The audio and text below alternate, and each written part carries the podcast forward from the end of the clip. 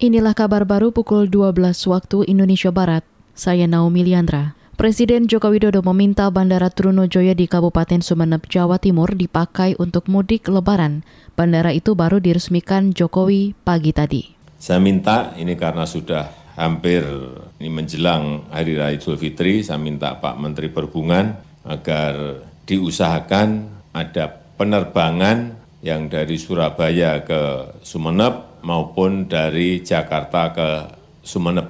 Untuk kita coba apakah penuh atau tidak penuh penumpangnya. Menurut saya penuh. Insya Allah penuh. Itu tadi Presiden Joko Widodo.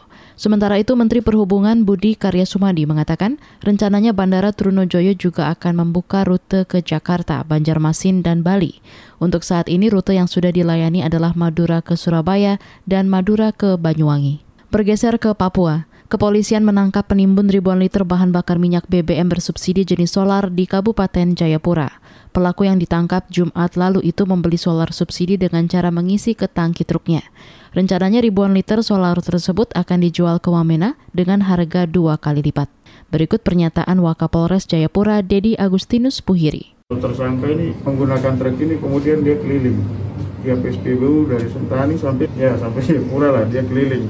Jadi setiap dia beli dia tampung dia beli ditampung karena ketentuan pembelian di SPBU itu hanya 60 liter. Jadi rencananya setelah nanti ditampung dari sini BBM tersebut akan diantar ke Wamena. Jadi di sana harga jualnya juga beda. Seperti itu itu tadi Wakapolres Jayapura Dedi Agustinus Puhiri. Sementara itu juru bicara Polda Papua Ahmad Mustafa Kamal mengatakan polisi sudah menangkap total 11 pelaku penimbunan solar bersubsidi di tiga daerah berbeda, yakni di Kabupaten Jayapura, Kota Jayapura, dan Kabupaten Nabire. Kita ke informasi olahraga. Bintang klub Prancis PSG Lionel Messi kemungkinan akan absen saat laga penentuan gelar liga melawan Angers Kamis dini hari nanti.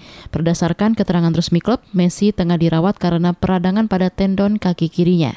Pemain 34 tahun itu akan diperiksa lagi dalam 48 jam. Padahal pada laga ini PSG bisa mengunci gelar juara jika menang dan peringkat kedua Marseille bermain imbang. Namun jika musuh bebuyutan PSG itu menang, tim asuhan Mauricio Pochettino harus menunggu hingga pertandingan berikutnya melawan Lens untuk memastikan trofi. PSG kini berada di puncak klasemen Liga Prancis dengan 74 poin, unggul 15 angka dari Marseille. Saudara, demikian kabar baru KBR. Saya Naomi Liandra, undur diri.